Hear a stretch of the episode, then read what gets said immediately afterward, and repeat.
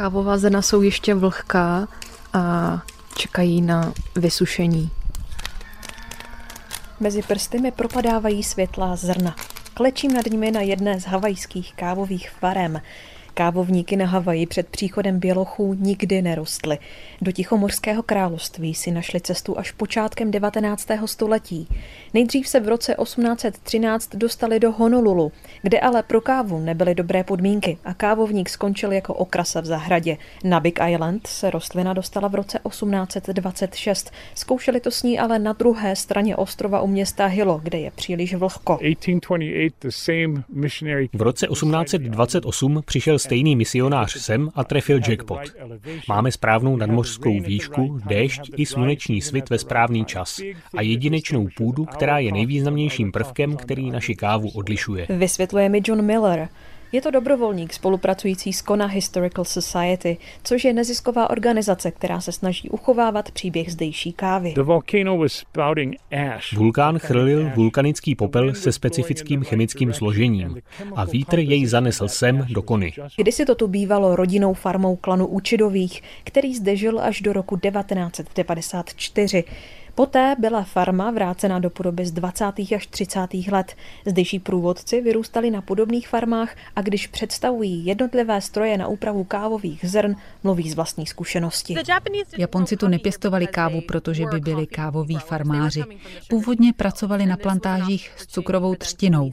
Tohle pro ně byla šance získat trochu nezávislosti, proto začali obchodovat s kávou. Upozorňuje mě Audrey Blairová, která má na starosti programy pro veřejnost. Zároveň mě vede ke keřům s drobným bílým květenstvím. Když kvete kávovník, má na větvích malá bílá kvítka. Vypadá to, jako by na větve nasněžilo, proto se tomu říká konasnou. Dnes jsem zrovna potkala jednoho z kolegů, který mi říkal, je, přes noc nasněžilo.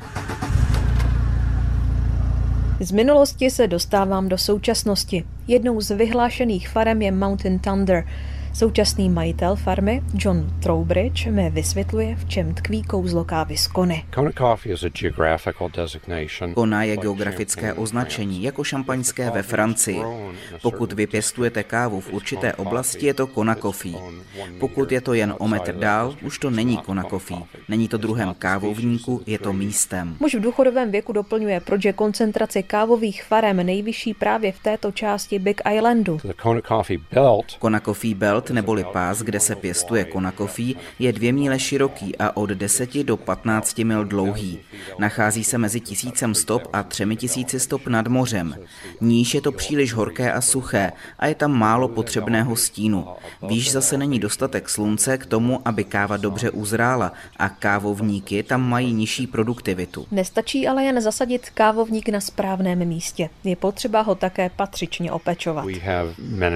Naši muži a ženy procházejí farmou a ručně vybírají dostatečně zralé kávové plody. Ty na stromcích nedozrávají ve stejnou dobu. Průběžně se vracíme ke každému ze stromků a sbíráme ty, které právě uzrály. Kdybychom to nedělali tímto způsobem, neměli bychom potřebnou kvalitu.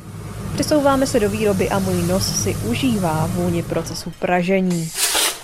Přede mnou se do připravených balíčků sype přesně navážené množství čerstvě upražených zrn. Stoprocentní kávu z kony ale není snadné ochutnat jinde než tady. Většinou se do obchodu dostávají směsi. Zítra se zaměříme na havajskou floru. Z Havaje Martina Pouchlá, Český rozhlas Plus.